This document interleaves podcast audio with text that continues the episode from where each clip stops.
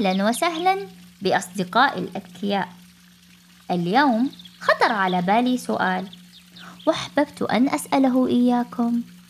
من الذي يخبرني؟ كيف نتذكر الأشياء؟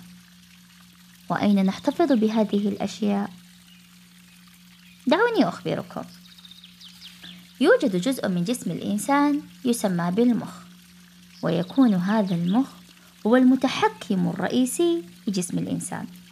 حيث يبلغ حجم المخ يساوي حجم قبضتي اليد المضمومتين معا.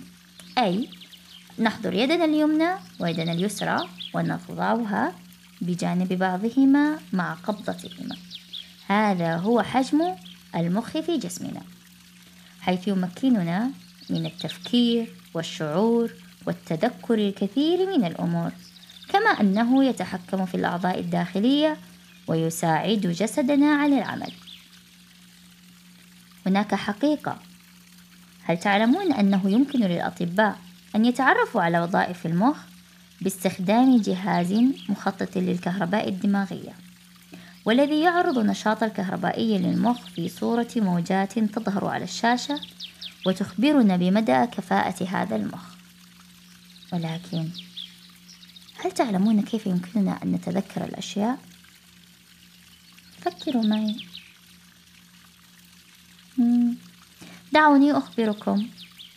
يساعدنا المخ على هذا حيث أن هنالك أجزاء مختلفة في المخ تساعد منها على الرؤية على التذكر على الحفظ وهناك جزء من المخ يسمى الدماغ. الدماغ هذا هو الذي يساعدنا على التذكر. وسأخبركم بمعلومة سريعة. ينقسم المخ إلى ثلاثة أجزاء. جزء منه الدماغ وجزء منه المخيخ وجزء منه النخاع الشوكي. الدماغ مسؤول كما قلنا عن تذكر الأشياء. من يخبرني؟ المخيخ والنخاع المستطيل. ما هي وظائفهم؟ أخبروني بإجاباتكم وأرسلوها لي. أنتظركم يا أصدقاء.